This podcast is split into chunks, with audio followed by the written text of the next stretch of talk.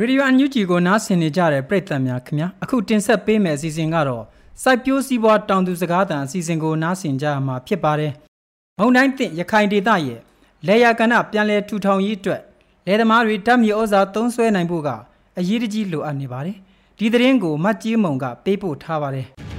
။ရခိုင်စပယ်ကြီးလို့တင်စားကြတဲ့ရခိုင်ပြည်နယ်မြောက်ပိုင်းကစစ်တွေကြောက်တော်ရသေးတောင်ပုံနှကျွန်းစတဲ့ဒေသတွေမှာ မူခါမုံတိုင်းတိုက်ခတ်သွားပြီးတဲ့နောက်လေယာကဏပြန်လဲထူထောင်ရေးအတွက်ဓာတ်မြေဩဇာကအတိကလိုအပ်ချက်ဖြစ်လာပါတယ်။လက်ရှိအချိန်ကမိုးစဘာစတင်စိုက်ပျိုးခြင်းဖြစ်လို့ဓာတ်မြေဩဇာကျဲပက်ဖို့လိုအပ်လာပြီးဖြစ်ပေမဲ့လယ်သမားအများစုဟာဓာတ်မြေဩဇာအသုံးမပြုနိုင်တဲ့အတွက်လေယာလုပ်ငန်းလုပ်ကိုင်လိုစိတ်တွေနှဲပါလာတယ်လို့ကြောက်တော်မြို့နယ်ကလယ်သမားတူဦးကပြောပါတယ်။နောက်ဆက်တော့ခါတွန်းအောင်စုကျွန်တော်တို့ဓာတ်မြေဩဇာတို့ဖြစ်နေရင်အလူခံအလူပေးပေးပေးအလူအလူအလူ အလူပေးနေတော့ပိုကောင်းတာပေါ့လှူမဲ့လို့ရှိရင်တော့ဒီကျွန်တော်နိုင်တော့လေဒါပေမဲ့ကိုယ်ဝင်တော့ကိုယ်ဝေဆိုရင်တော့ဒါမဝင်နိုင်ကြဘူးအဲ့ဒါတော့သိချတယ်မဝင်နိုင်ကြဘူးပြီးတော့ကတော့ရောလိမ့်မယ်ဘာလို့ဆိုတော့သုံးစုကနေပြီးတော့စပေါ်ပင်အာဟာရပြောအောင်မကျွတ်နိုင်ကြဘူးကျွန်တော်တို့ရခိုင်မှာတော့ဒီလေသမောတွေကဟိုစိုက်ဖြစ်တာတော့မုံသိမ်းဖြစ်တာတော့အဲ့လိုနောက်ပြီးတော့ဒီဒီဂလော့ဒီနာပြဿနာဖြစ်တာတော့အဲ့လိုဆက်တက်ဆက်တက်ဖြစ်လာတော့လူတွေကတော်တော်လောက်ကိုဆင်းရဲသွားကြတယ်နောက်ပြီးတော့ဟိုဟိုလေလုံးချင်သေးလေးနည်းနည်းတော့မရှိကြတော့ဘူးအဲ့ဒါအဲ့ဒါကိုပြင်ပြီးဖို့အတွက်ကျွန်တော်စုကိုဟိုဘယ်လိုနည်းနာဖြစ်ဖြစ်ဖြစ်ပေါ့ အဲ့ဒါအဲ့ဒါတနက်နက်လောက်တော့လုပ်ပြီးနေတယ်ပြန်နေထူထုံရေးကလာမှာမိုးကောင်းတောက်ဧရိယာဖြစ်တဲ့ရခိုင်ဒေသရဲ့လေယာလုပ်ငန်းမှာ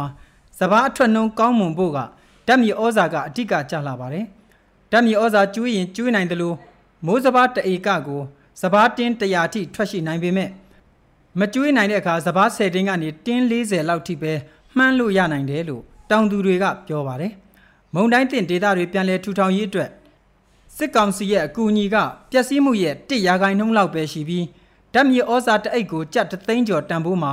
စစ်ကောင်စီရဲ့အကူအညီရနိုင်ဖို့ကအဝေးကြီးမှာရှိနေတယ်လို့မုံတိုင်းတင်တောင်သူတူဦးကပြောပါတယ်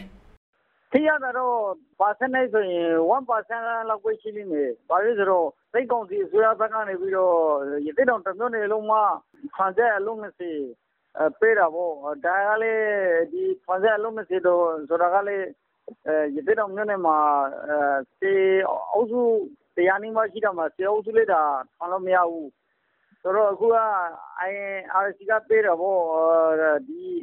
စေကရှိတဲ့လူလေးအဲ့ဒီတေကဖို့လားမျိုးစမပေးတာပေါ့ ဓာတ်မျိုးဆိုတော့ ဝေလာဝဲပဲအတန်တော်မကြောက်ဘူးဘေကပေးမယ်ဆိုတော့တော့ ကိုထူကိုရကျိုးစားနေရတဲ့ အပိုင်းပဲ များတယ် အဓိက ကိုထူကိုရကျိုးစားနေရတဲ့ အပိုင်းကတော့90ရာခိုင်နှုန်းရှိတာပေါ့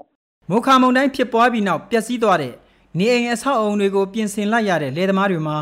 လေယာလုပ်ငန်းမှာသုံးစွဲဖို့စရိတ်စကအခက်အခဲတွေရှိလာတာဖြစ်ပါတယ်2021ခုနှစ်ຫນွေစပားရာသီကစလို့တရက်ရိတ်တက်လာတဲ့ဓာတ်မြေဩဇာဈေးနှုန်းတွေက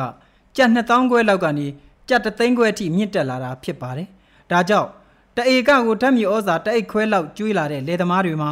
အိတ်ဝက်လောက်သာကျွေးနိုင်တော့ပြီးမုံတိုင်းတန်တင့်တဲ့နောက်မှာတော့ဓာတ်မြေဩဇာလုံးဝမကျွေးနိုင်တော့တဲ့အနေအထားထိဖြစ်လာတာဖြစ်ပါတယ် ရခိုင်ပြည်နယ်မှာစပားဆိုင်ဧကတသန်းကျော်ရှိပြီး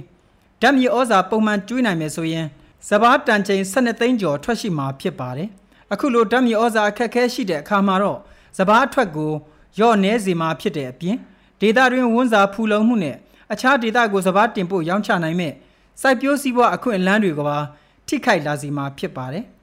သောတာရှင်များခင်ဗျာအခုတင်ဆက်ပေးခဲ့တဲ့မြေပြင်သတင်းအကြောင်းအရာတွေကို ရေဒီယို UNG သတင်းတောက်မတ်ကြီးမုံကပေးပို့ထားတာဖြစ်ပါတယ်ခင်ဗျာ